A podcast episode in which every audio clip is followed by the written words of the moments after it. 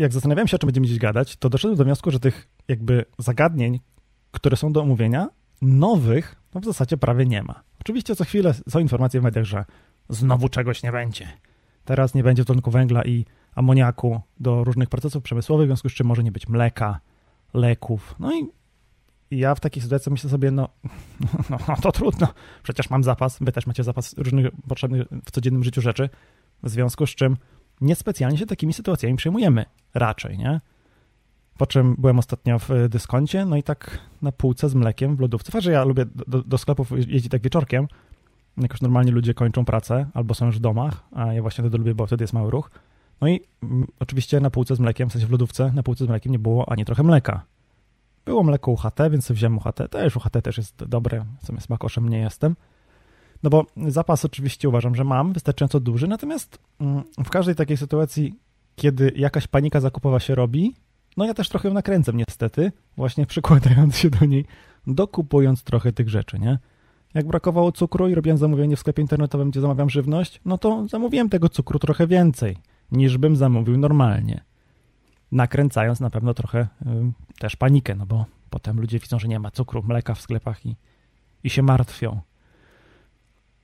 No i to nie jest na pewno optymalne rozwiązanie, bo duża część tej paniki jest nakręcana przez ludzi, którzy po prostu się do sklepów wrzucają, słysząc, że czegoś zabraknie. Mm. Gdybyśmy wszyscy mieli zapasy, wszyscy, wszyscy w Polsce mieli zapasy wszystkiego, co jest potrzebne na trochę, e, na parę tygodni życia, to żadna tego typu sytuacja nie nakręcałaby paniki zakupowej.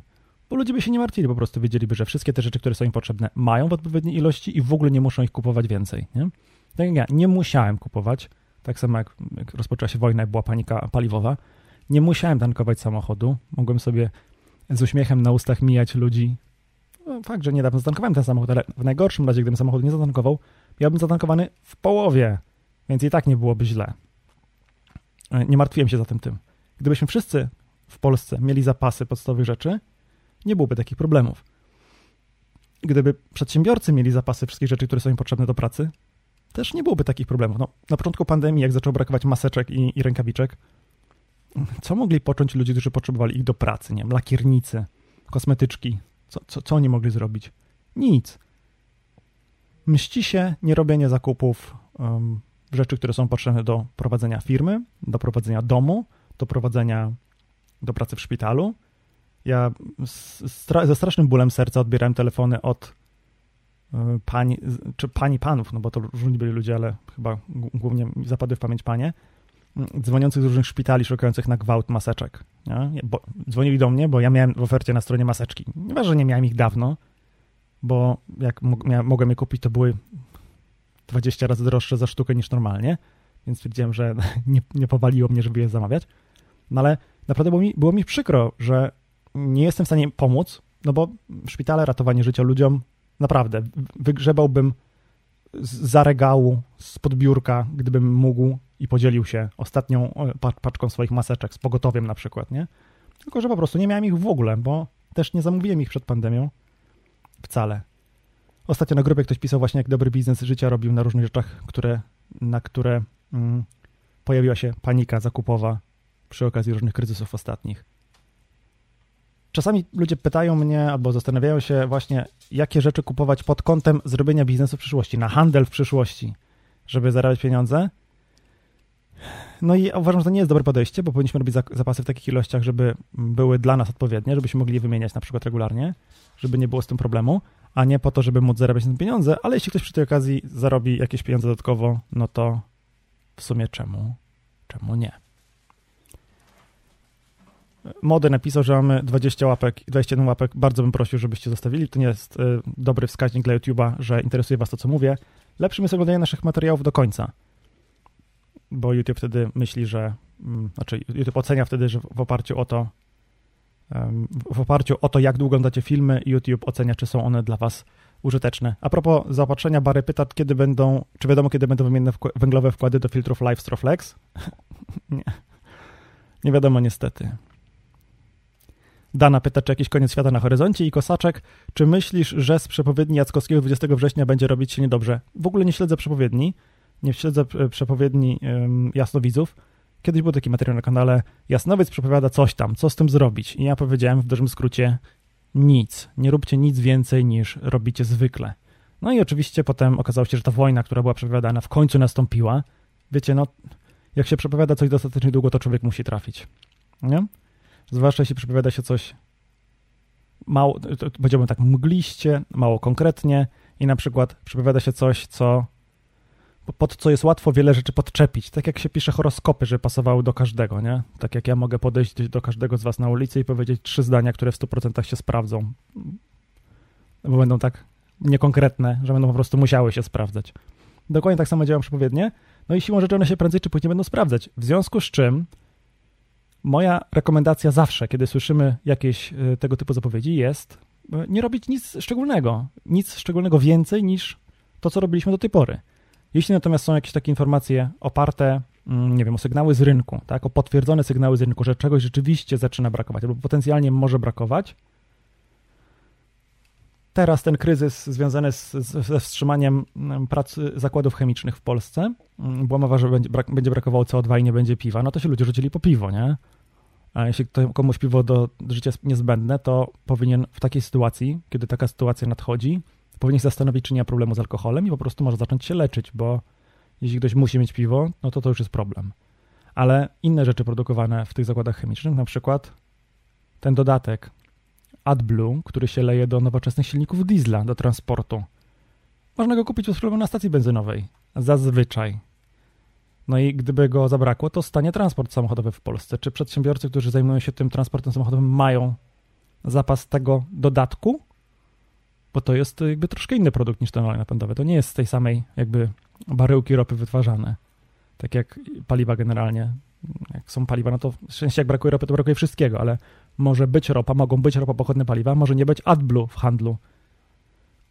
Czy będąc racjonalnym mm, właścicielem firmy transportowej, czy będąc racjonalnym właścicielem takiej firmy wymagającej AdBlue do pracy, chciałbym nie mieć zapasu tego AdBlue?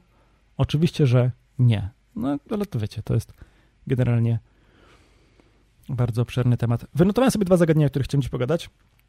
Po pierwsze, mamy świeży odczyt inflacji i już 16%, 16,1%, co oznacza, że jeśli średnio rok do roku inflacja to jest 16,1%, to od 1 marca zaczynacie zarabiać pieniądze, a pieniądze, które zarobiliście między 1 stycznia a 28 lutego, tak o tracicie na inflację. To jest te 16 mniej więcej procent. 16 mniej więcej procent tracicie na inflację, czyli tak jakbyście pracowali od 1 stycznia do 28 lutego za darmo. Dziękujemy Pan Państwo, dziękujemy Pan Putin. Dziękujemy trzynastki, czternastki, piętnastki, siedemnastki i wszystkie inne dodatki węglowe, srowe i tak dalej. Wiecie, kiedy pojawiają się artykuły, jaki telefon, jaki komputer dla dziecka kupić za dodatek węglowy, no to się trudno dziwić, że wszelkiego rodzaju wylewanie pieniędzy na rynek będzie dodatkowo nakręcać inflację. Inflacji nie tłumi się wylewając na rynek dodatkowe pieniądze, dając ludziom dodatkowe pieniądze do ręki. No po prostu to tak nie działa. Z drugiej strony jest to zupełnie zrozumiałe, że rząd chce jakoś obywatelom pomóc i po prostu dać im pieniądze, kiedy nie jest w stanie zadbać o to, żeby ceny podstawowych rzeczy potrzebnych do życia były na stabilnym, sensownym i niskim poziomie. Um, Matrix 84 napisał, to pracujmy od 1 marca. Jestem za. Ale niestety musimy pracować od 1 stycznia, dopiero od 1 marca zaczynamy zarabiać na siebie, a wcześniej zarabiamy na podatek inflacyjny. Inflacja jest podatkiem, jest ukrytym podatkiem, który narzuca na nas państwo. Dlaczego jest to podatek? Ponieważ państwo pożycza pieniądze z rynku i oddaje te pieniądze, które są już mniej warte przez inflację. Dlatego można powiedzieć, że ma to charakter takiego podatku, przed którym jest się bardzo trudno ukryć. Z oszczędnościami jakoś powiedzmy można. No ale jeśli dziś dostaję ofertę, Krzyśku, załóż u nas lokatę, damy ci 7% rocznie na nowe środki, ale musisz nowe pieniądze zorganizować. Na stare nie, na nowe złote, na stare złote nie. 7%, a inflacja jest 16%, no to czy to się opłaca? 7% minus podatek belki, czyli tam 19% od 7%, no to jest powiedzmy 5 z groszami. To nie jest dużo. Także inflacja 16, 5 z groszami, tracę de facto 10% swoich pieniędzy przez rok, nie robiąc z nimi niczego. Nie będę za długo o tej inflacji rozmawiał z wami, opowiadał, dlatego że dlatego, że był osobny materiał o tym, jak radzić sobie z inflacji nie tak dawno. Wywożenie węgla z Polski nie jest winą Putina, napisała Ewa Bielańska. I to jest oczywiście prawda. To znaczy, nie jest bezpośrednio winą Putina, że wywozimy węgiel z Polski. Natomiast Putin doprowadzi do sytuacji, wywołując wojnę, Putin doprowadzi do sytuacji, że bardzo wzrosły ceny surowców energetycznych. I to oznacza, że tak jak przez lato dopłacaliśmy do górnictwa, bo górnictwo wydobywało węgiel, no nie w każdej kopalni, ale tak średnio, uśredniając, górnictwo w Polsce wydobywało węgiel drożej, niż ten węgiel można było kupić w zachodnioeuropejskich portach. Czyli musieliśmy do górnictwa dopłacać, żeby w ogóle opłacało się wydobywać ten węgiel. Nie pytajcie mnie, jaka jest tutaj logika, bo ja nie widzę żadnej. W każdym razie wydobywaliśmy nasze czarne złoto i sprzedawaliśmy za granicę, dopłacając do tego. Czyli dopłacaliśmy komuś, żeby płacił naszym węglem. Gdzie sens, gdzie logika? Nie wiem. Nie ma. A teraz ceny węgla są na tyle duże, że opłaca się po prostu eksportować ten węgiel za granicę. No i ja słyszałem zawsze takie uwagi, że o nie, musimy pilnować naszego górnictwa, bo to jest fundament naszego bezpieczeństwa energetycznego. I to byłaby prawda, gdyby teraz górnictwo nie eksportowało węgla za granicę, eksportuje go, bo to się po prostu bardziej opłaca niż sprzedawać go w Polsce. Więc ten argument, no niestety, stracił na wartości. A oczywiście górnicy, już ucieszeni, że spółki zarabiają, poprosili dodatkowe pieniądze, no bo w sumie dlaczego by nie? Przecież jak się dla nich dopłaca, to, są, to chcą mieć więcej pieniędzy, a jak górnictwo zaczyna zarabiać, to dla odmiany chcą mieć więcej pieniędzy. To jest zrozumiałe, no każdy pracownik chce mieć zawsze więcej pieniędzy. Także no tak jak pisze tutaj Ewa, węgiel, węgiel powinien zostać w Polsce. No to generalnie sytuacja jest taka, że niestety no tego się za bardzo nie da zrobić. Znaczy technicznie się da, no nie? Technicznie technicznie można wstrzymać eksport żywności, węgla, ropy, paliw ropopochodnych, tylko to jest zawsze no, no trudne. To zawsze jest zaburzenie gospodarki rynkowej, która jednak jest najzdrowszym rozwiązaniem, jeśli rzeczywiście jest ta konkurencja rynkowa, wolna a nie, nie wiem, ograniczona w jakiś sposób. Skoro inflacja ci nie doskwiera, nie zarabiasz sensownie. Znaczy, jeśli człowiek nie ma oszczędności, to inflacja mu nie doskwiera. Jeśli człowiek ma kredyt oprocentowany na kilka procent, a inflacja jest kilkanaście procent, to i tak jest do przodu o dobre kilka procent, mimo że musi płacić ogromne od tego kredytu odsetki. Także to niestety, no to jest, wiecie, lubię takie powiedzenie. To jest wszystko system naczyń połączonych, ale są wszystkie sobą, wiecie, to są naczynia połączone, są takie różne rurki w różnym kształcie, gdzie zawsze jest jeden poziom wody, bez względu na to, w jakim kształcie są te rurki. No i to jest system naczyń połączonych, one na siebie nawzajem wpływają, a wszystkie te rurki są połączone z sedesem. Także niestety tak o, tak to wygląda. Na granicy białoruskiej stoją wagony zapłacone przez Polskę węglem i przez embargo nikt tego nie ściąga. Absurd. W, w ogóle z tym kryzysem, który mamy do czynienia teraz, wywołanym przez wojnę, międzynarodowym kryzysem wynikłym między innymi z wojny, no i oczywiście z innych, z innych czynników, na przykład koroniaka, żebyś sobie z nim poradził w dłuższej perspektywie, trzeba po prostu Rosjan od, odciąć od pieniędzy i przestać importować tam stamtąd cokolwiek. Zawsze byłem zwolennikiem importowania węgla i zostawiania naszego na gorsze czasy, żeby w ogóle go nie wydobywać, dopóki jego ceny nie wzrosną. Z drugiej strony Rosja była najgorszym kierunkiem, z którego mogliśmy sprowadzać węgiel i inne surowce, no bo Rosja, będąc y, dużą stacją benzynową z atomówkami tak naprawdę chlebem obsranym głównym, nie była w stanie eksportować nic innego oprócz biedy, y, AIDS, w pierdolu, za przeproszeniem, y, no i surowców energetycznych. Więc żeby mogła przestać eksportować przemoc, no to musimy po prostu przestać od nich kupować cokolwiek, za co płacimy pieniędzmi, czyli głównie surowce energetyczne. Jesteśmy w kropce, musimy to wytrzymać. Ktoś ostatnio, ktoś ostatnio, znaczy tam mm, wiele osób z środowiska preperów, z środowiska prawicowców, czyli konserwatywnych republikan w USA pisze, że powinniśmy przestać tę wojnę, bo tutaj ludzie będą marznąć, będą głodować.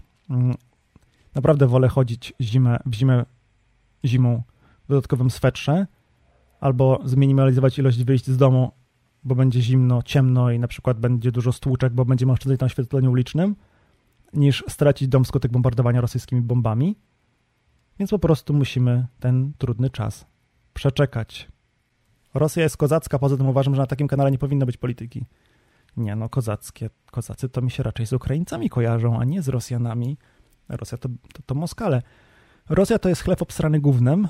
To jest kraj, który powinien się rozpaść na milion republik mm, o statusie równym Korei Północnej, ponieważ tyle wart jest ten kraj. Niestety.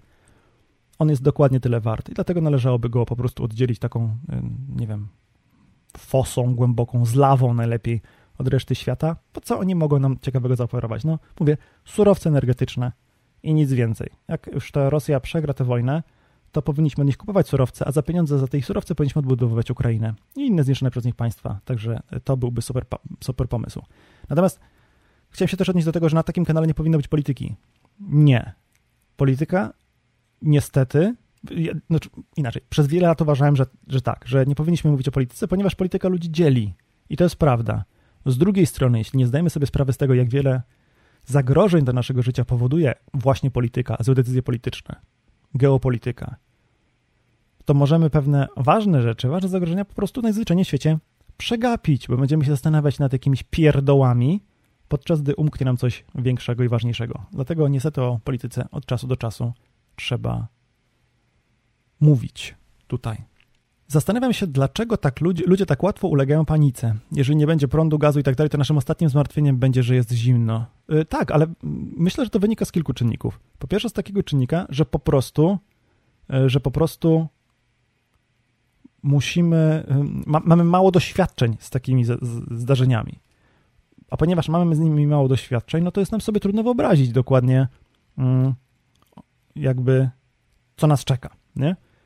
Jeśli w małej skali brak prądu kojarzy nam się z tym, że jest ciemno, w lodówce też jest ciemno, czyli lodówka nie działa, więc rzeczy tam się grzeją, no to w pierwszej kolejności staramy się rozwiązać właśnie te problemy, które możemy sobie wyobrazić, bo wiemy, że one się rzeczywiście przydarzą, bo widzieliśmy to, jak zabrakło prądu kiedyś na wsi, jak byliśmy u babci, nie? W dzieciństwie.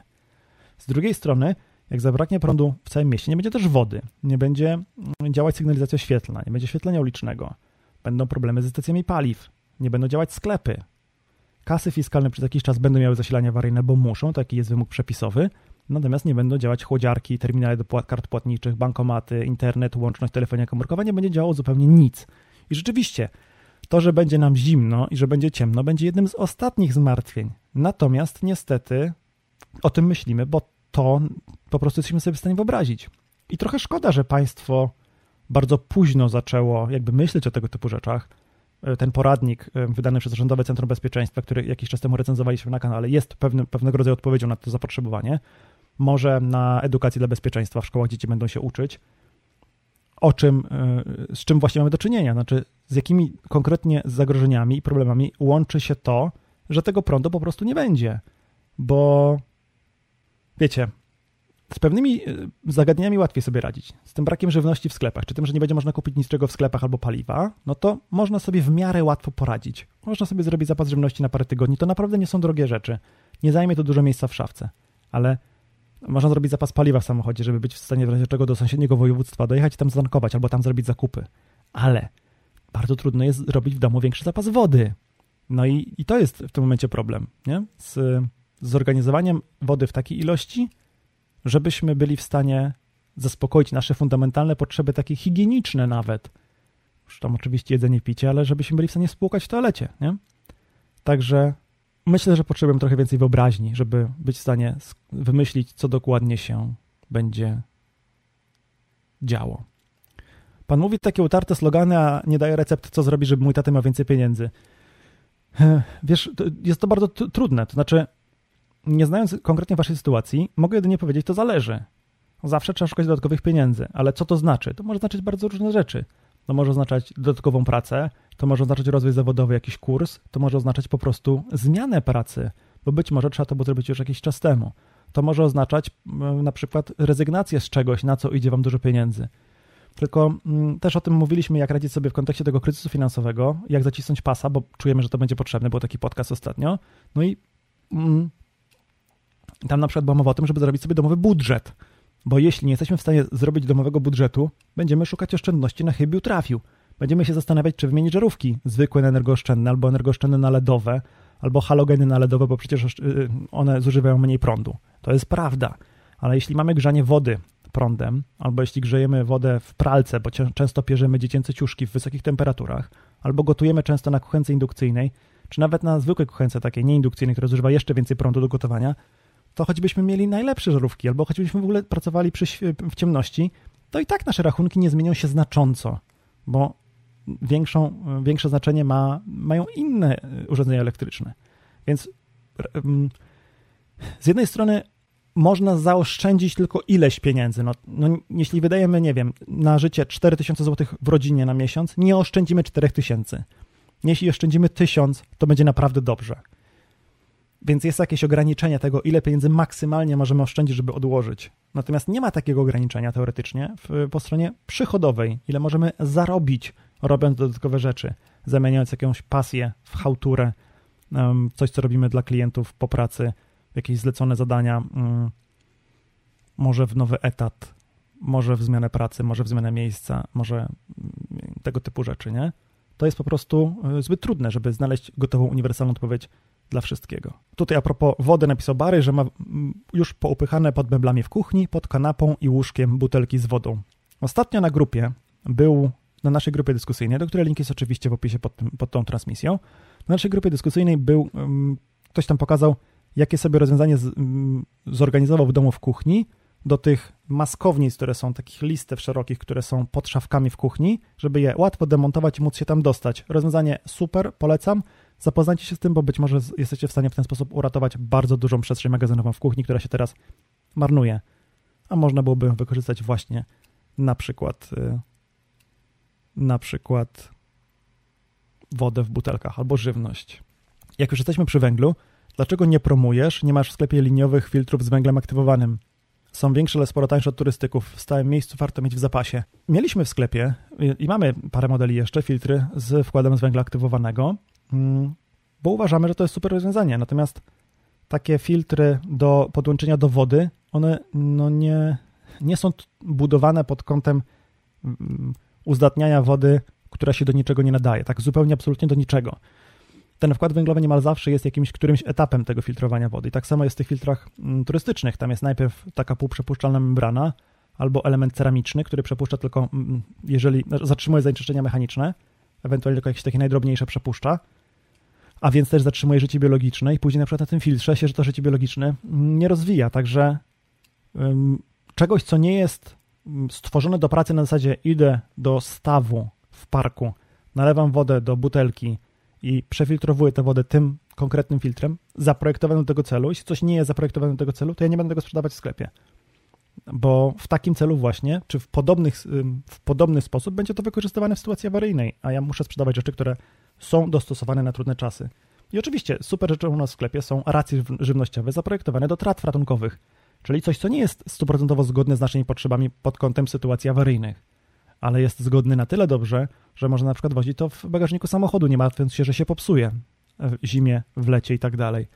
Więc coś, co zostało zaprojektowane do innych celów, ale nasze potrzeby spełnia, będziemy sprzedawać w sklepie, bo to pasuje i jest bezpieczne, a to jest chyba właśnie funkcjonalne, podstawowe co z tą Rosją? Czy Polska się naprawdę ma czego obawiać? Znaczy, powiem tak. W tej chwili mniej niż kiedyś, bo wojna w Ukrainie pokazała, że druga armia świata tak naprawdę y, jest w dużej mierze niekompetentna, rozkradziona, nie potrafi funkcjonować. Y, ja się, ja, ja się osobiście czuję bezpieczniej niż przed wojną. Do tego stopnia, że tak jak zawsze uważałem, że powinniśmy się, my, warszawiacy, ewakuować na zachód od Wisły. Tak dziś uważam, że no też dobrze byłoby mieć to zabezpieczone. Natomiast jak ktoś chce sobie budować dom na wschodnim brzegu Wisły, czemu nie? Zawsze mi się wydawało, że rosyjska armia dotrze do Warszawy w 2-3 dni. Dziś miałbym już co do tego wątpliwości. Więc ja się czuję osobiście bezpieczniej. Musimy wykorzystać tę sytuację, żeby nie pozwolić Rosji odbudować tego potencjału militarnego, który straciła, odbudować tej armii, mm, wyszkolić z powrotem żołnierzy, których stracili, dokupować sprzętu, amunicji i tak. Po prostu musimy zachować trzy rzeczy. Spokój, sankcje, solidarność. Solidarność w Europie, spokój, żeby się nie dać straszyć atomówką, szantażem, szantażem gazowym. No bo w sumie czym nas może Rosja straszyć? No, użyciem broni atomowej? Błagam. Rosja nie użyje broni atomowej przeciwko Europie, ponieważ zamieni się wtedy w atomową pustynię. I, no, no, no i nie zrobi tego. W związku z czym może nas co najwyżej tym straszyć. Może nas co najwyżej straszyć, że zniszczy jakieś ukraińskie elektrownie jądrowe i skażenie rozprzestrzeni się nad Polskę. Niestety, statystycznie rzecz ujmując, skażenie z nad tych elektrowni będzie szło raczej na wschód, ponieważ w naszej szerokości geograficznej są raczej wiatry zachodnie, więc raczej wiatry z, tą, z tym skażeniem będą szły w kierunku Rosji. no to dlaczego mieliby Rosjanie coś tak idiotycznego zrobić? Mogą nas straszyć tym, że gaz nam wyłączą. No, no to trudno, to będziemy sobie korzystać z innych paliw mm, i tak dalej. Także tyle mogę powiedzieć. Ale rzeczywiście trochę się, trochę się mniej obawiam. Gadaniem, że ci źle nic nie zmienisz. Mm, no tak, ale jak już człowiek wie, że jest mu źle i celnie identyfikuje przyczyny tego, dlaczego jest mu źle, na przykład celnie identyfikuje, na co wydaje najwięcej pieniędzy, to dopiero wtedy może coś z tym zrobić. Jak sobie człowiek tego nie uświadomi, to, to nic z tym nie zrobi, nie? Zakładasz racjonalność decydentów. Co do tego pełnej pewności nie mam, ale mimo to i tak nie ma sensu się, się tym przejmować, bo nic na to nie poradzimy. No tak, no, zakładam, że decydenci są racjonalni. Oni są racjonalni na jakiś tam sposób. E, ja byłem przekonany, że wojna nie wybuchnie. Ja byłem przekonany, że Putin nie rozpocznie inwazji na Ukrainę, dlatego że byłem przekonany, że nie jest mu to do niczego potrzebne, że koszty tego byłyby zbyt duże. No, okazało się, że się myliłem. Natomiast z perspektywy Rosji, jak najbardziej było z perspektywy rządzących Rosją, desperacko potrzebujących sukcesów, było sensowne i racjonalne rozpoczęcie inwazji na Ukrainę. Tak? No bo Rosjanie mogą srać y, za stodołą i nie mieć bieżącej wody w domu, bo to im nie jest potrzebne do szczęścia. Jedna czwarta Rosjan tak żyje dzisiaj. Oni potrzebują czuć się waż, ważni, potrzebują, żeby, żeby czuli, że się ludzie ich ojczyzny boją. Wtedy jest im dobrze. Nie kiedy mają y, wodę, mydło i na przykład nie mają HIV, tylko kiedy ludzie się ich boją. No więc, żeby zaspokoić ich potrzeby, po prostu Putin wywołał wojnę. I tłumaczy im, wbija im tą tempą moskalską propagandą, do głów im wbija, jak to wszyscy się w Europie i na świecie boją tej drugiej armii świata. Wiecie co?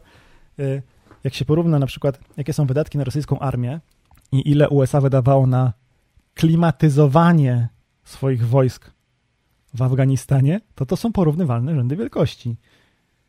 No, no to to, to wiele mówi o, o, o jakości tej armii. Natomiast celnie zwrócił uwagę Adrian, że, nie ten komentarz, Adrian, że Rosja może straszyć głodem poprzez niszczenie planów w Ukrainie i wstrzymanie swojego eksportu do Afryki. Tak, i Rosja to robi. Była o tym mowa jakiś czas temu. Zupełnym przypadkiem mam tutaj cały czas ten, ten numer The, The, The, The Economist z taką bardzo ładną okładką. Tego nie widać zbyt dobrze. Tu zamiast ziaren, a może to widać nawet, zamiast ziaren są y, trupie czaszki, nie? Artykuł nadchodzący katastrof, katastrofie żywnościowej. Trochę się ten problem chyba udało rozwiązać, natomiast w dalszym ciągu można powiedzieć, że Rosja y, w ten sposób straszy świat. Dlatego, że jeździ po Afryce i mówi, o nie będzie tutaj żywności przez tych głupich Amerykanów, przez to szczekające na to, powtarzając um, papieża Franciszka idiotyczny tekst, nie? Niestety, taka jest ich polityka. No. I potem ci biedni ludzie w Afryce myśl, myślą sobie, że Rosja to jest taki dobry, dobry, dobry sąsiad. Znaczy, to nie jest ich sąsiad, ale taki dobry gracz na arenie międzynarodowej. Na przykład nigdy nie miał kolonii.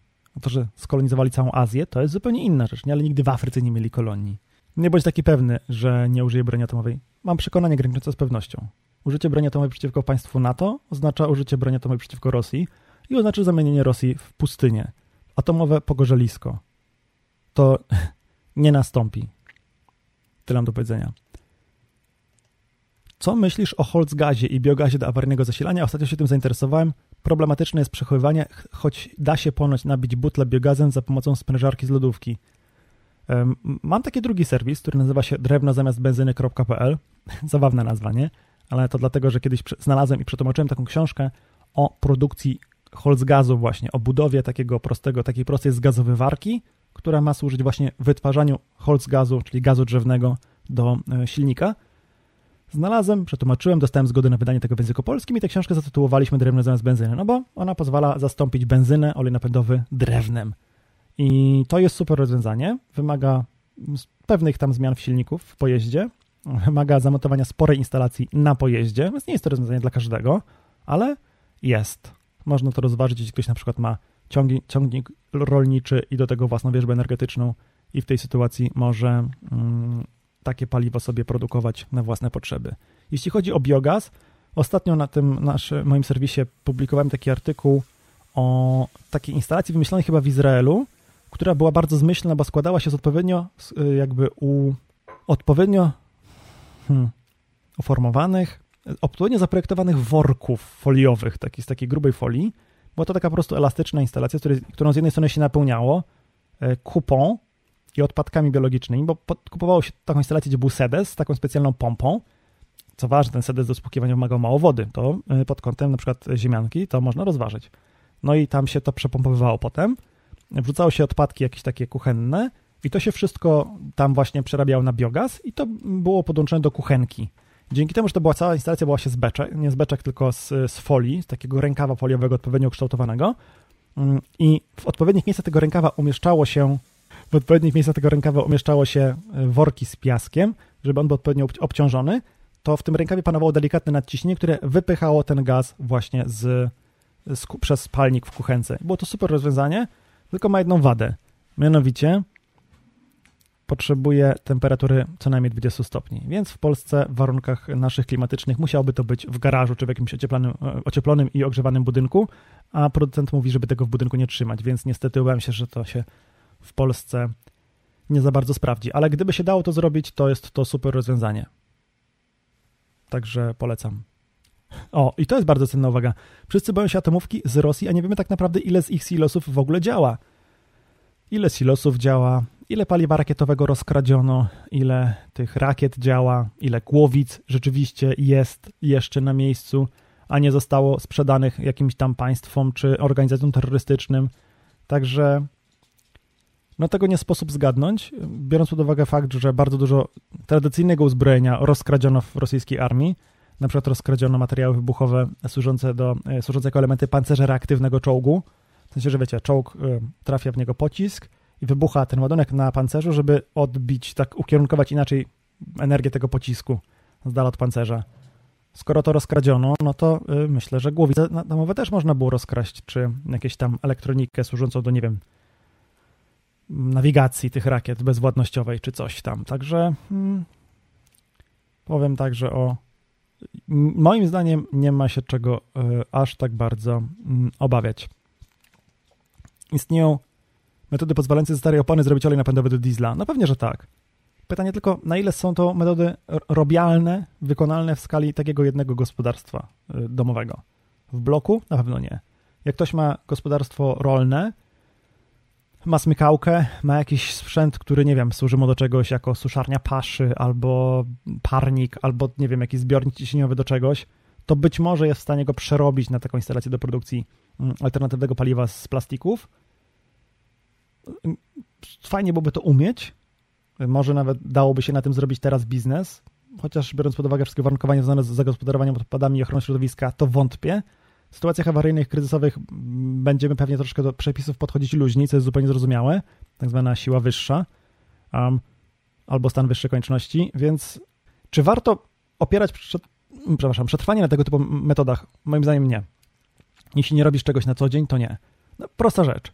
Spirytus. Spirytus produkuje się bardzo, bardzo prosto. Trzeba zrobić wino i to wino przedestylować, przepędzić. Robimy to od setek lat, jeśli nie od tysięcy, nie?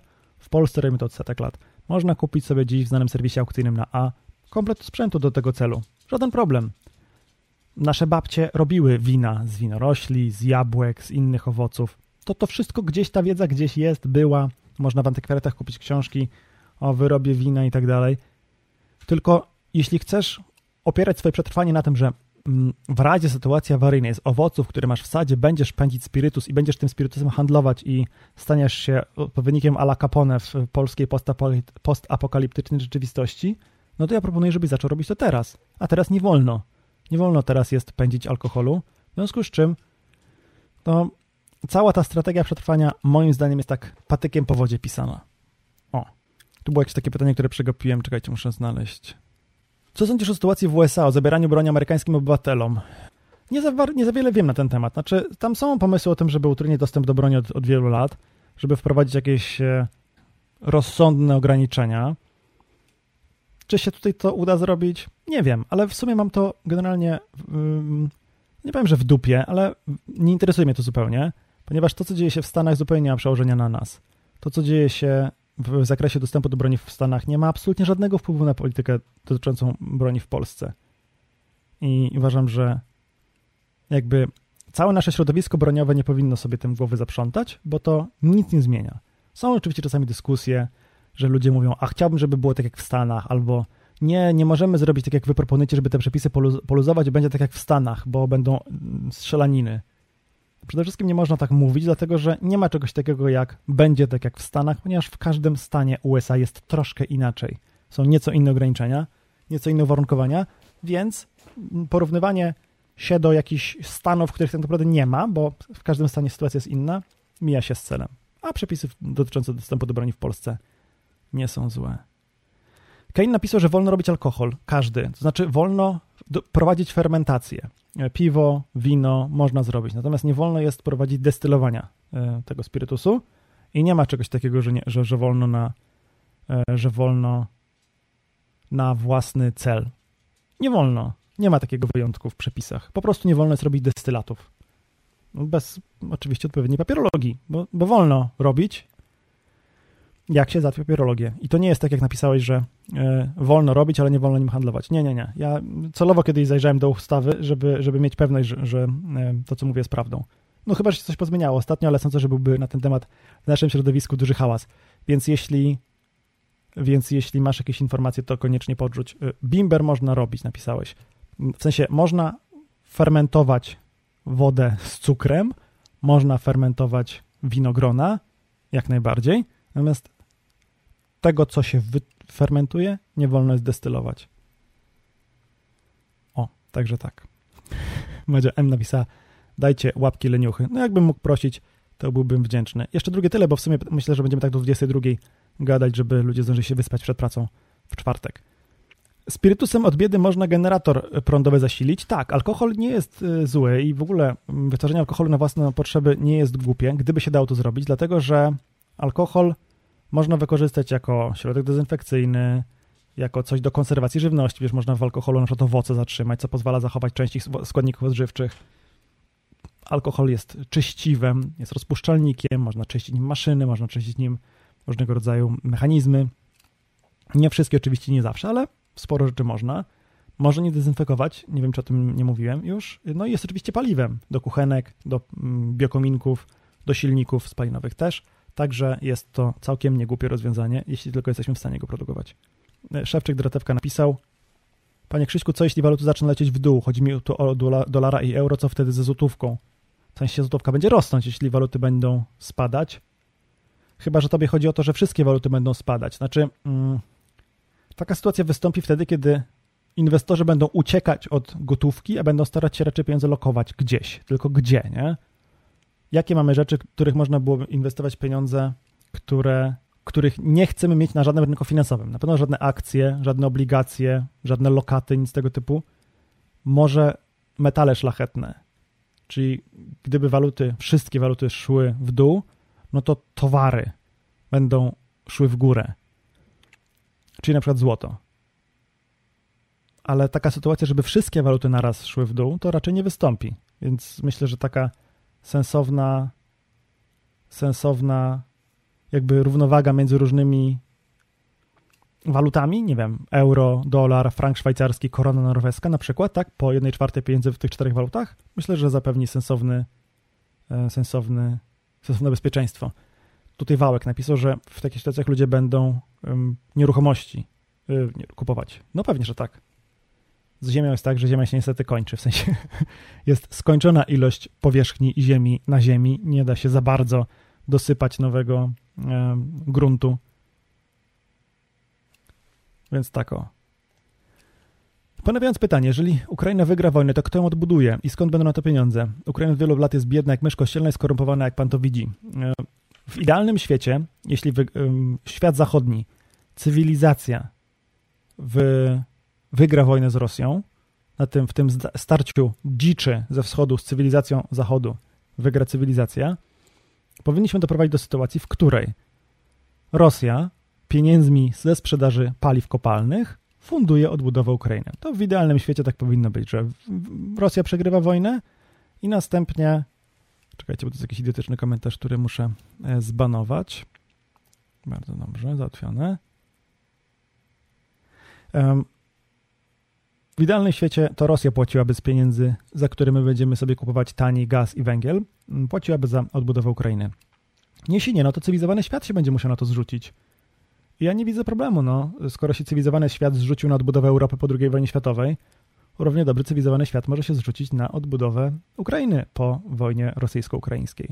Nie mam z tym problemu. Zupełnie.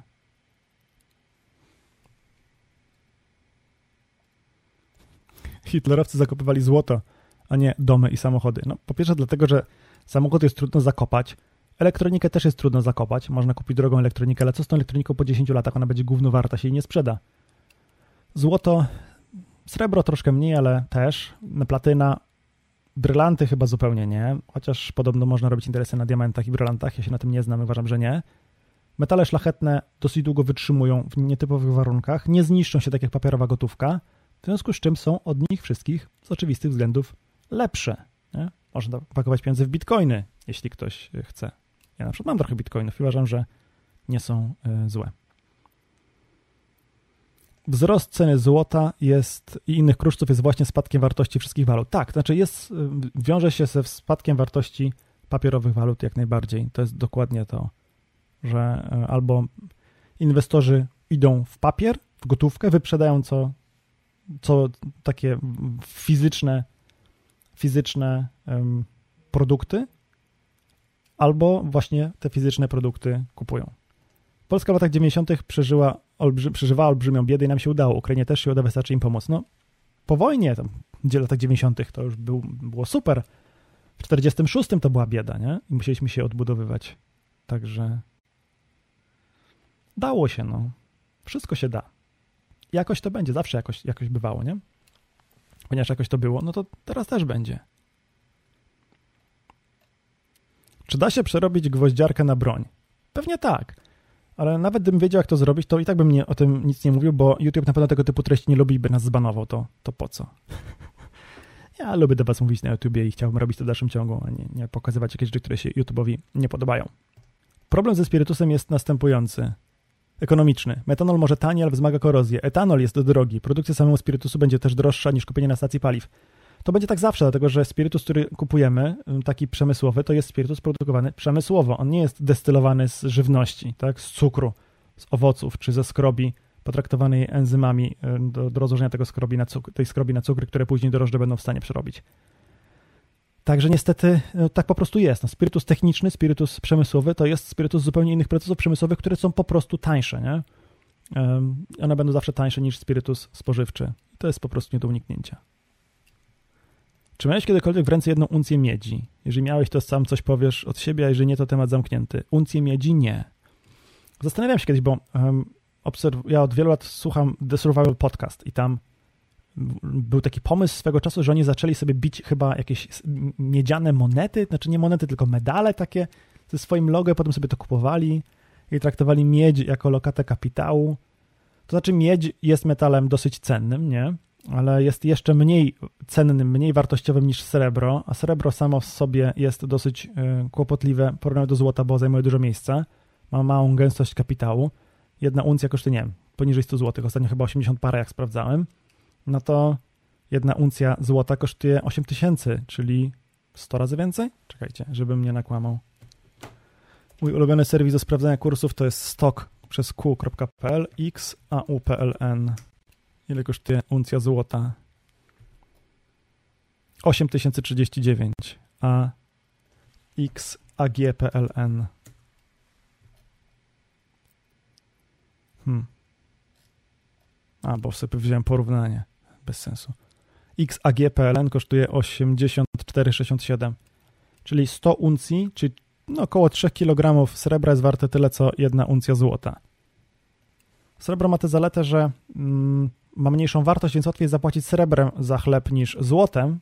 W sensie nie musisz wydawać 8000 zł płacąc jedną uncjową monetą za chleb, dostając chleb warty 8 złotych łatwiej zapłacić srebrną monetą, która, waży kilka, która ma kilkanaście gramów srebra, jest warta kilkadziesiąt, nie? W sensie mniej się na tym straci.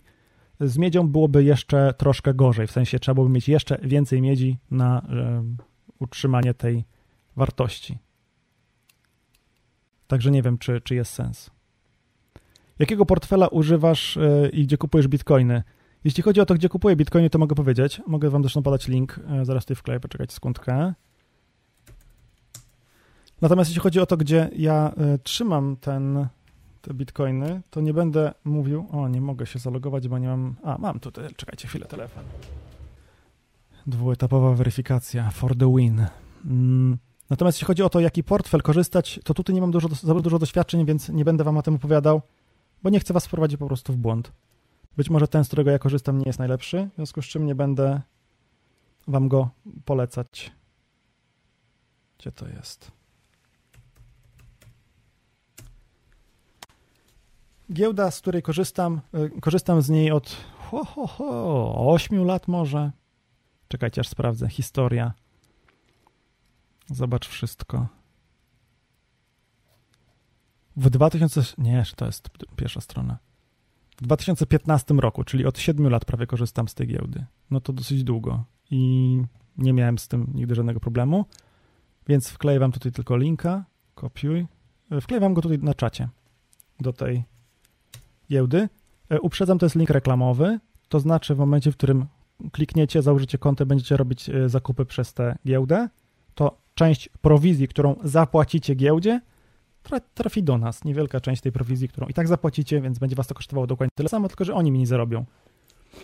I tak jak zwrócił uwagę Arek, historia pokazuje, że giełdy są okradane i jego kolejny komentarz, na zasadzie poprzedni, portfel na własnym dysku plus backupy najbezpieczniejszy. Tak, dokładnie tak. To znaczy, przepraszam, zapowietrzyłem się.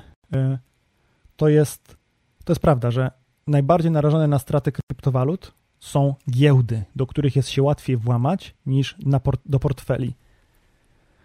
Yy, czyli metoda jest bardzo prosta. Po, prostu kupujesz na giełdzie kryptowalut kryptowaluty, następnie je wyprowadzasz z tej giełdy. Nie?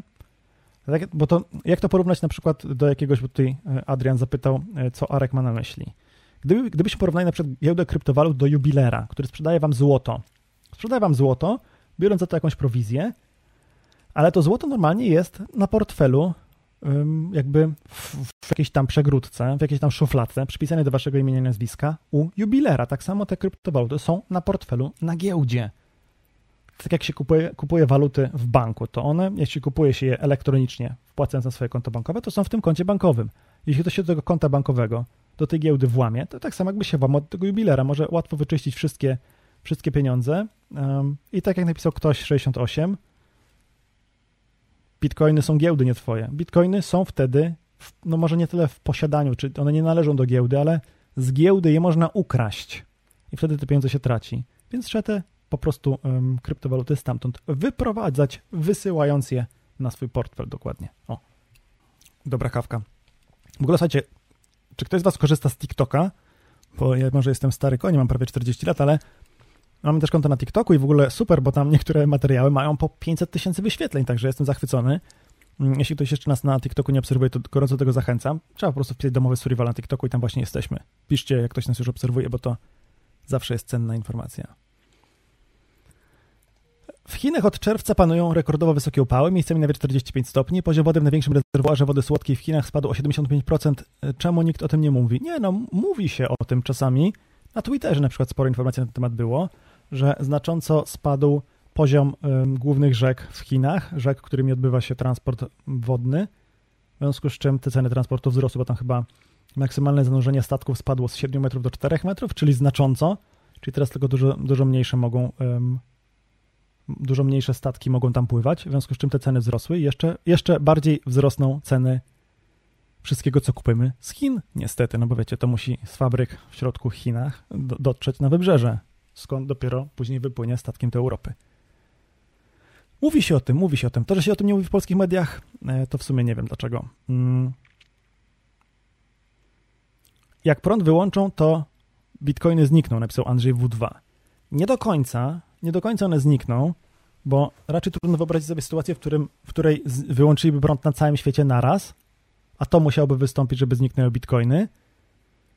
Natomiast... Yy, Prawdą jest taka, że kiedy nie będzie prądu, nie będziemy mogli skorzystać z bitcoinów, tak? Jeśli nie będzie łączności internetowej, również nie będziemy mogli skorzystać z bitcoinów. Ale, że tak powiem, i co z tego?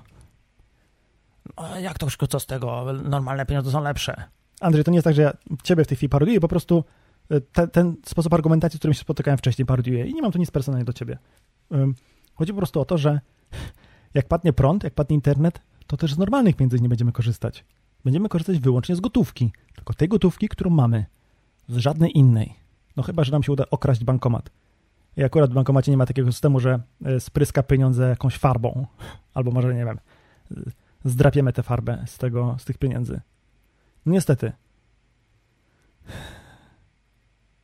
Mm, jak nie będzie prądu, nie będzie działać bankowość tradycyjna, internetowa, no bo tradycyjne banki są ze sobą połączone przez internet, te przelewy międzybankowe są przez internet, nie będą działać autoryzacje kart płatniczych, nie będzie nic.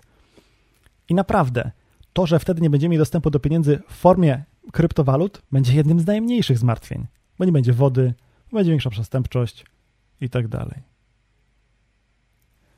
O, e, Waraj tu ma taki dosyć, e, może trochę kontrowersyjny komentarz, e, ale cenny swoją drogą. Ciesz się, że twój content, wartościowy content się propaguje, ale TikTok to narzędzie szpiegowskie, demoralizujące i niszczące mózg chi z Chin. Niestety TikTok najgorszy ze wszystkich mediów społecznościowych.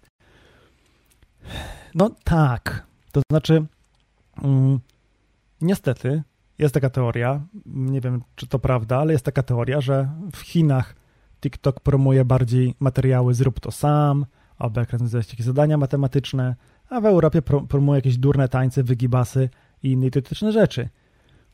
Prawda jest taka, że TikTok w pierwszej kolejności promuje to, co ludzie chcą oglądać. No ja mam konto na TikToku i siedzę na tym TikToku pasjami, ponieważ mnie też nudzi i męczy oglądanie dłuższych form. Jak mam posłuchać człowieka, który na YouTubie gada przez półtorej godziny, tak jak ja, gadam przez półtorej godziny o czymś, to czasami mi się nie chce. To sobie wolę obejrzeć trzy filmiki, na których ktoś przez minutę gada o czymś na TikToku. Um, więc żeby TikTok, um, to wiecie, jesteście dorosłymi ludźmi, w związku z czym prawdopodobnie macie na to wywalone, co, co dokładnie karmi wasz mózg, czym karmi wasz, wasz mózg TikTok. Natomiast jeśli chodzi o dzieci, to powinniście zwrócić na to, powinniście o własne dzieci zwrócić, na własne dzieci i na to, co im serwuje TikTok, zwrócić szczególną uwagę. Prawda jest taka, że mm, mamy wpływ na największy my sam, po prostu wybierając odpowiednie treści. I warto jest zachęcić dzieciaki, żeby starały się na TikToku śledzić treści bardziej atrakcyjne. Może mniej atrakcyjne dla nich, ale bardziej wartościowe, cenne w dłuższej perspektywie czasowej. Na przykład właśnie jakieś materiały, jak to zrobić, albo pokazując jakieś sztuczki, nie wiem, nawet sztuczki w programie do montażu, albo w programie graficznym są cenniejsze, bo to dziecko może potem sobie to, to wykorzystać przy jakiejś pracy zaliczeniowej, albo może będzie znanym youtuberem, na przykład, nie? Ja nie wytłumaczę nigdy swoim dzieciom, że mm, bycie youtuberem jest bezsensowne, bo ja jestem youtuberem i zarabiam trochę pieniędzy, no to jak mogę tłumaczyć dzieciakom, nie, idźcie do tradycyjnej pracy, bądźcie nauczycielem, policjantem, strażakiem, czy, czy, czy lekarzem. No nie, nie mogę. Więc tak, TikTok jest mm, zły, dlatego że ma bardzo uzależniające mechanizmy, ale da się z tym walczyć i nie ma co, nie ma co, moim zdaniem, czekajcie, bo tu Waraj napisał kolejne komentarze. Po, poza tym apka TikToka ma masę uprawnień i jawnie wysyła dane do Chin, plus krótkie treści rozregulowują uwagę i układ dopaminergiczny znacznie silniej niż inne media. Jasne, jesteś dorosły, ćpaj co chcesz, ale jest różnica między e, marihuaną i heroiną. E, krótkie formy wideo są w tej chwili na YouTubie, na TikToku, na Instagramie, na Facebooku, bo te platformy zrozumiały, że to jest po prostu przyszłość, że ludzie chcą oglądać filmy w ten sposób, ponieważ mają zdolność skupienia uwagi jak złote rybki przez 6 sekund i nie dłużej. I nie ma się co na to obrażać, po prostu tak jest. I oczywiście lepiej jest oglądać te same treści w Instagramie czy na YouTubie niż na TikToku.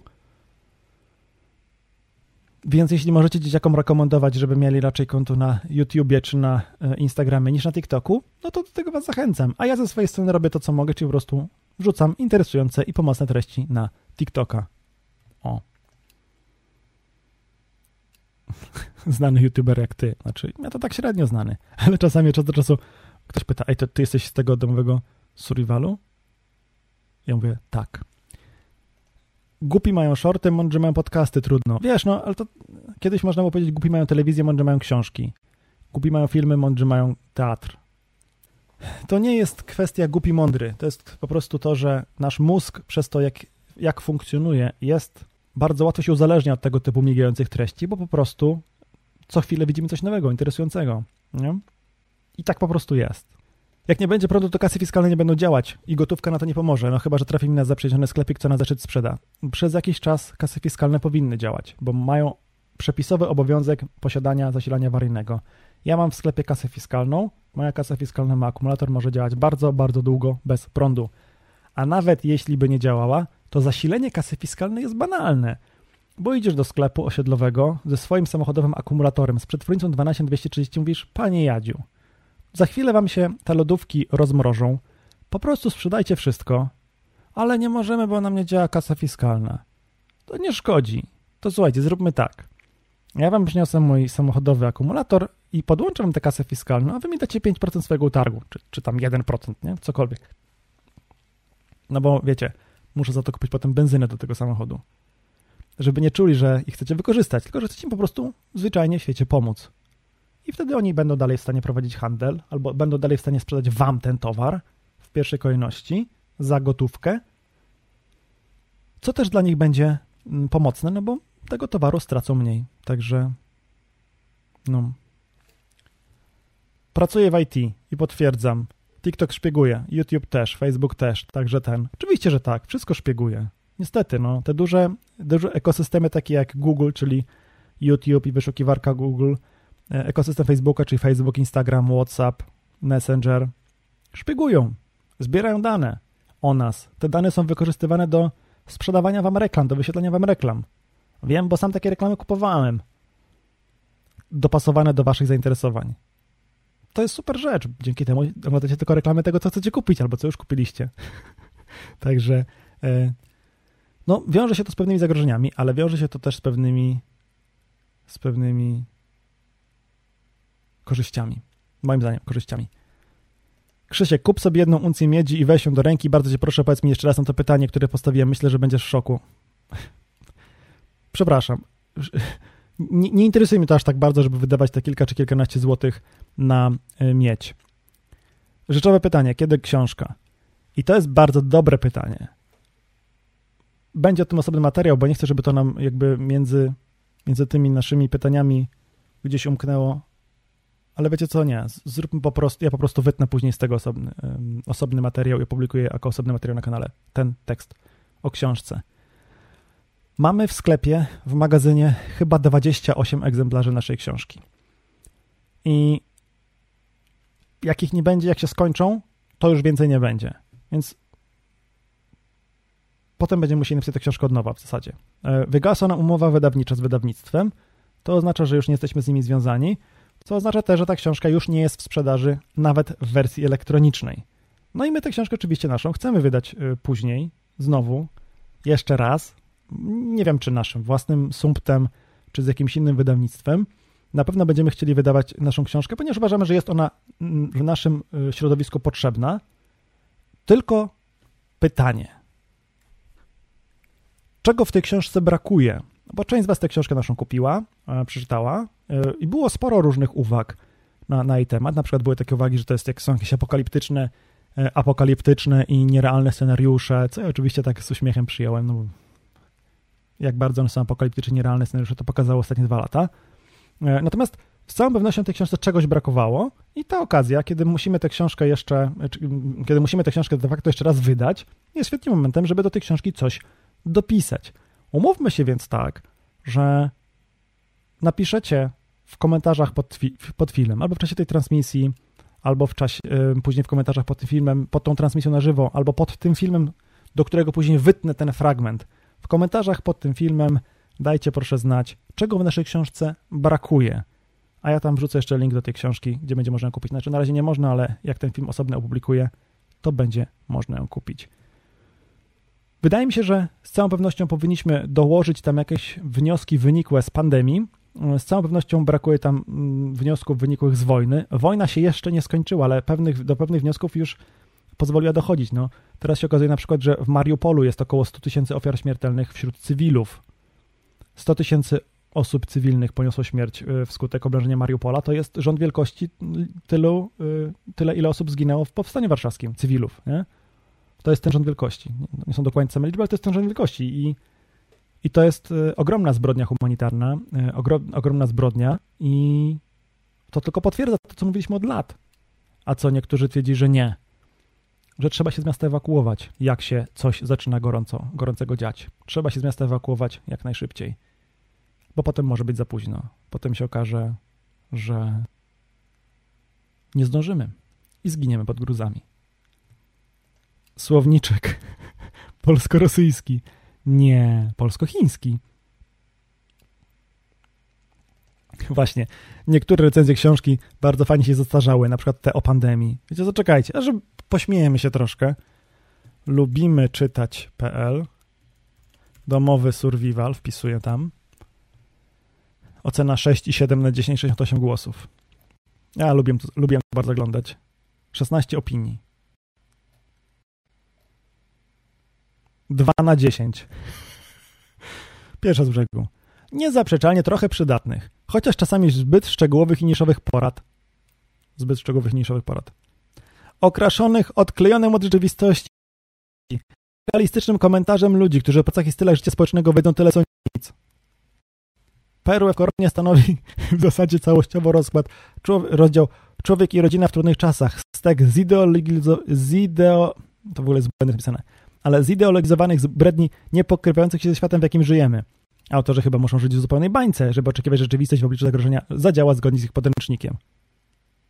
Do tego źródła praktycznie tylko publikacje internetowe, śmiech na sali. Znaczy akurat ta, ta uwaga, że, że ktoś chętniej by widział w um, takiej książce odnośniki do książek albo do badań, a nie do artykułów popularno-naukowych y, czy artykułów z Wikipedii, jest to uwaga bardzo słuszna, więc to na pewno będziemy chcieli poprawić.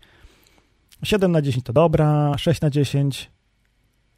Książka dobra dla nowicjusza. O, to właśnie takie komentarze chcieliśmy dostawać, bo książkę publikowaliśmy z założeniem, że można ją kupić i dać komuś no, nowicjuszowi, żeby wiedział od czego zacząć.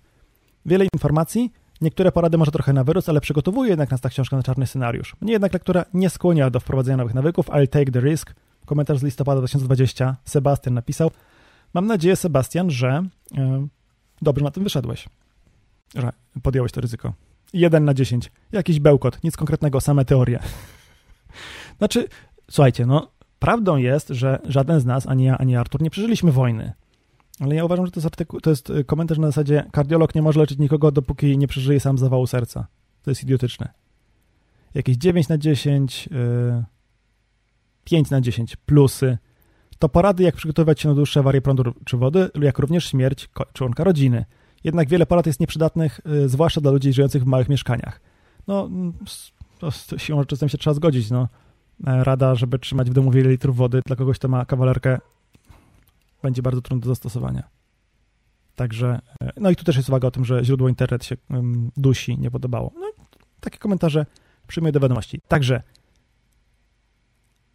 jak najbardziej uważam, że książka musi wrócić do sprzedaży i musi zostać um, uzupełniona Pytanie, czy będą podcasty w jakimś radiu internetowym, na przykład 357 lub Radio Nowy Świat? Nie wiem, to znaczy nie dostaliśmy takiej propozycji do tej pory. Ciężko by nam było się zgodzić na podcasty w takiej um, usystematyzowanej formie, bo mo mogłoby nam na to po prostu braknąć czasu. Ale może, może by się udało, nie wiem, może to by nam nawet ułatwiło trochę pracę, gdybyśmy sobie ją ustrukturyzowali w jakiś sposób. Nie wiem, wolę się z wami spotykać raz na dwa tygodnie w takiej luźniejszej formie i oprócz tego wrzucać dwa albo trzy przydatne materiały w międzyczasie, niż nagrywać podcasty na siłę e, raz w tygodniu na przykład. Także, mm, także ważne jest to, że tutaj gdzieś był taki komentarz, podcasty są na Spotify. Tak, nasze podcasty można e, słuchać i oglądać w szeregu platform. Ostatnio w takiej platformie, która nazywa się Fountain, czyli fontanna, takiej apce Fountain, w której się słucha podcasty i zarabia się za to kryptowaluty. Także można nas tam słuchać. Czy podpisujesz książki, jakiś autograf? Mm, przez jakiś czas rzeczywiście podpisywaliśmy się w tych książkach, więc możemy tak przyjąć, że tę ostatnią partię podpiszemy i wrzucimy do sprzedaży z podpisami. Książka po ile? Ostatnio była chyba po 45 zł. 44,90 koszt ta książka ostatnio. No oczywiście w księgarniach zawsze można było ją kupić taniej, natomiast myśmy zawsze sprzedawali ją w cenie nominalnej, no bo takie było nasze założenie. O, tu było pytanie, jaki zapas amunicji do strzelby zrobić? To jest ciekawe pytanie. Znaczy ja się w ogóle za bardzo na tym nie znam. Ze strzelbą strzelałem troszkę, bo y, kiedyś zostałem zaproszony na takie super fajne szkolenie ze strzelby. Strzelaliśmy na bardzo różne dystanse, bardzo różną amunicją. Robiliśmy z tego różne ćwiczenia, różne rzeczy. Patrzyliśmy, jak śród się rozkłada przy różnych dystansach. Patrzyliśmy, jak się strzela różnymi rodzajami śrutu. E, ale ile z amunicją do strzelby jest jeden problem. Jest duża i ciężka. Znacznie większa, znacznie cięższa od amunicji do pistoletu i niestety z tego względu jest duży problem właśnie, żeby e, zrobić duży, sensowny zapas, no bo to też są, no, tyle zajmuje pudełko 20 sztuk amunicji do strzelby. A co to jest 20 sztuk amunicji do strzelby? Czy to jest dużo? Moim zdaniem nie.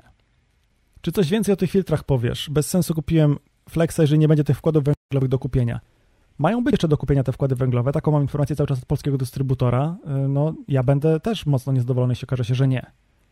Bo to by oznaczało, że marka bardzo straci w moich oczach. Ja nie będę w stanie wtedy z czystym sumieniem polecać ludziom filtrów marki LiveStraw, dlatego że będę miał poczucie, że zawsze tych części zamiennych może do nich zabraknąć, a to nie wpłynie dobrze na wizerunek tej marki w moich oczach i w um, oczach rynku. Także, także tak o.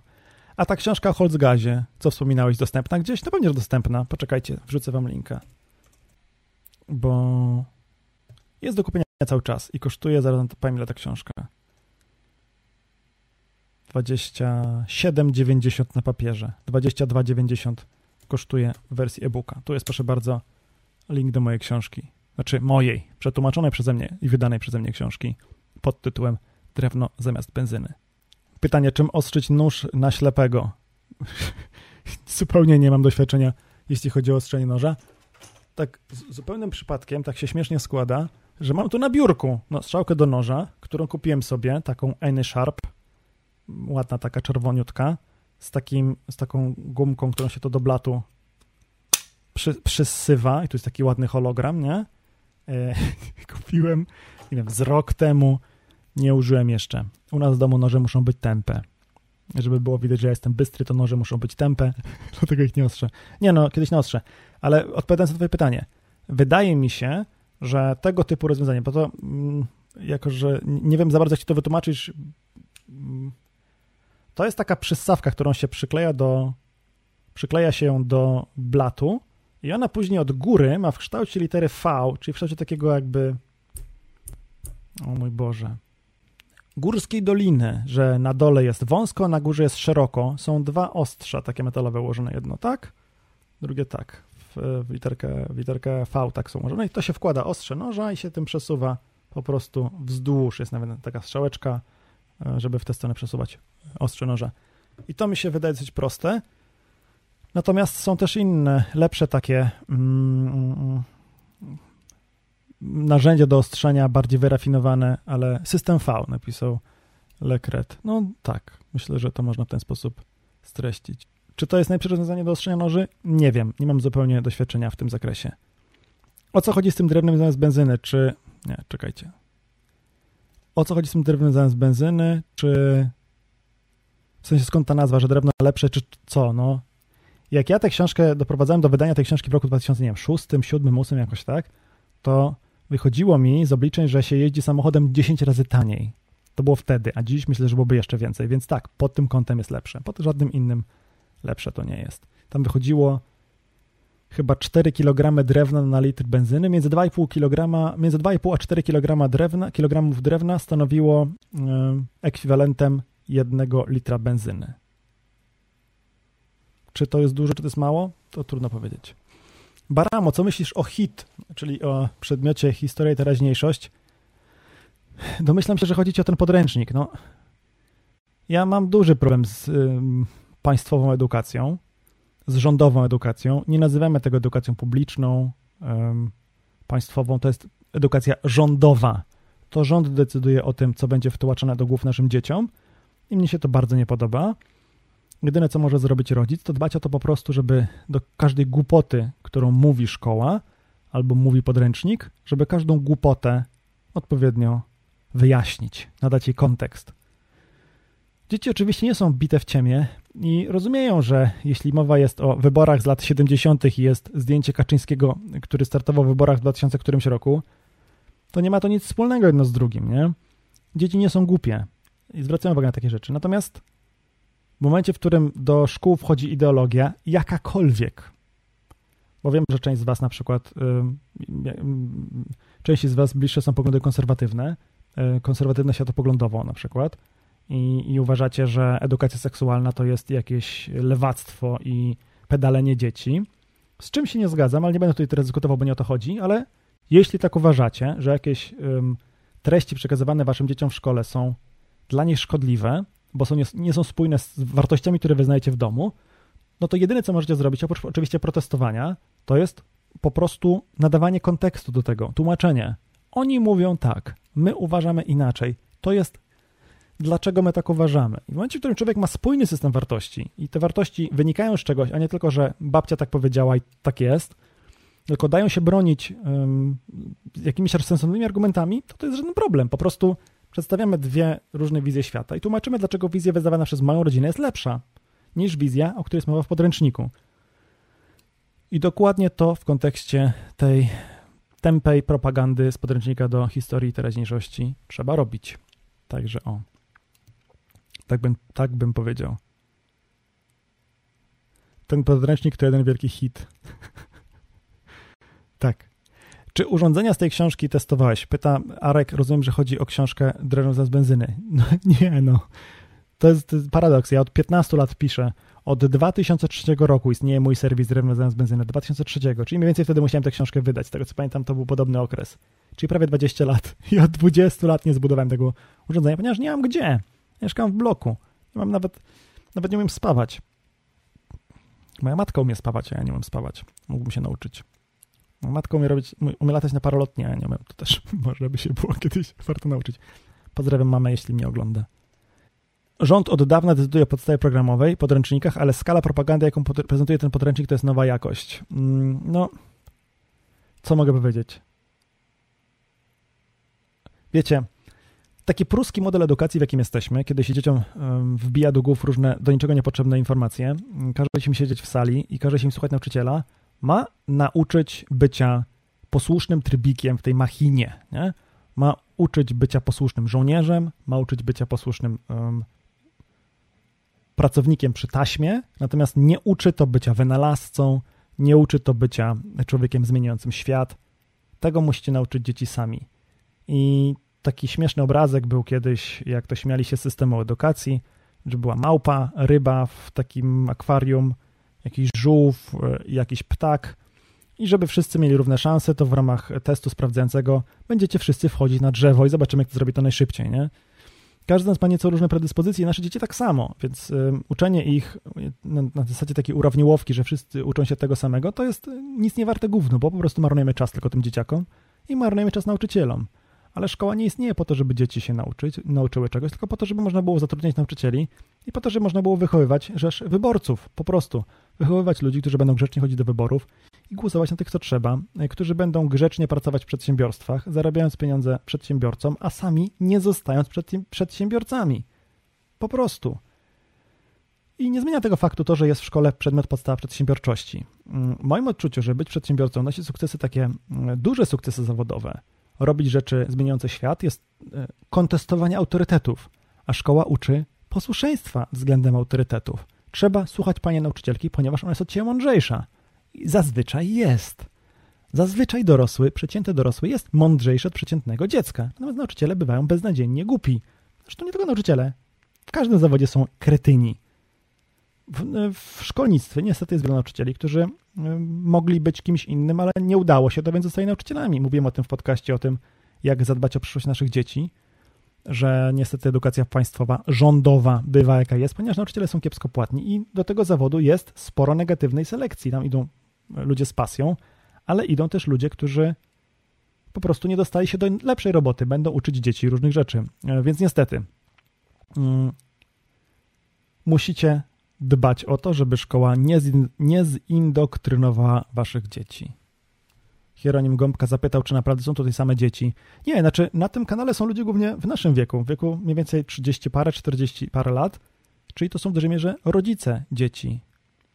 Także no, myślę, że te porady będą w jakimś sensie przydatne. Słuchajcie, jest za 10 dziesiąta, y, za 10 minut będziemy powoli kończyć, więc jeśli macie jakieś pytania, to śmiało dawajcie i ja postaram się na nie odpowiedzieć, a jak nie, to będziemy się zawijać. Baba zarabia 2000 i uczy podstaw przedsiębiorczości. Jakby wiedziała, jak założyć prowadzić z sukcesem biznes, to by to zrobiła. Ale to nie jest ale to nie jest tak, że y, to dotyczy tylko edukacji na takim podstawowym poziomie. Jeśli myślisz, że na, uni na uniwersytetach jest lepiej, wcale nie jest lepiej. Ja bardzo ceniłem sobie to, że u mnie na Wydziale byli wykładowcy, którzy współpracowali z przemysłem i byli w stanie dzielić się tym, czego, co właśnie obserwowali w przemyśle. A jak y, zarządzania uczy ktoś, kto nigdy niczym nie zarządzał, no to przepraszam, przepraszam bardzo. Masz rację. Ja wiedziałem, że tego typu komentarze się pojawią, czekałem tylko kiedy. Fajnie, że już teraz. Jabłonow napisał. Masz rację. Nie trzeba uczyć wszystkich tego samego. Analfabeci bez podstawowych zasad języka polskiego też są potrzebni. Słuchaj, no ale zobacz. Tak się wyzłośliwiasz na tych analfabetów, a sam nie potrafisz napisać poprawnie wielokropka. Ja się oczywiście przypieprzam, bo to jest prosta literówka, ale w dzisiejszych czasach, kiedy są automaty do sprawdzania tekstu, mm, posługiwanie się poprawnym językiem jest dużo łatwiejsze niż kiedykolwiek. Natomiast szkoła, mimo tego, że uczymy dzieciaki kilkanaście lat, nie uczy na przykład zrozumienia tekstu, nie uczy e, czytania ze zrozumieniem, więc Polacy i tak są wtórnymi analfabetami i nie zmienia tego faktu to, że uczą się mnóstwa nieprzydatnych informacji o klimacie w różnych y, państwach w Afryce, czy o tym, jakie mamy zatoki na Bałtyku, czy o tym, jakie rośliny chronione są w Tatrach. Co może w turnieju wiedzy do nikomu do niczego, w turnieju wiedzy nikomu do niczego niepotrzebnej, czyli w jeden z dziesięciu się przydaje, ale poza tym nie. W związku z czym, czy, czy powinniśmy w dzisiejszych czasach, kiedy każdy z nas ma telefon z dostępem do całej wiedzy, jaką kiedykolwiek opracowano na świecie, czy jest sens, żebyśmy uczyli dzieciaki pamięciówy jakichś idiotycznych rzeczy?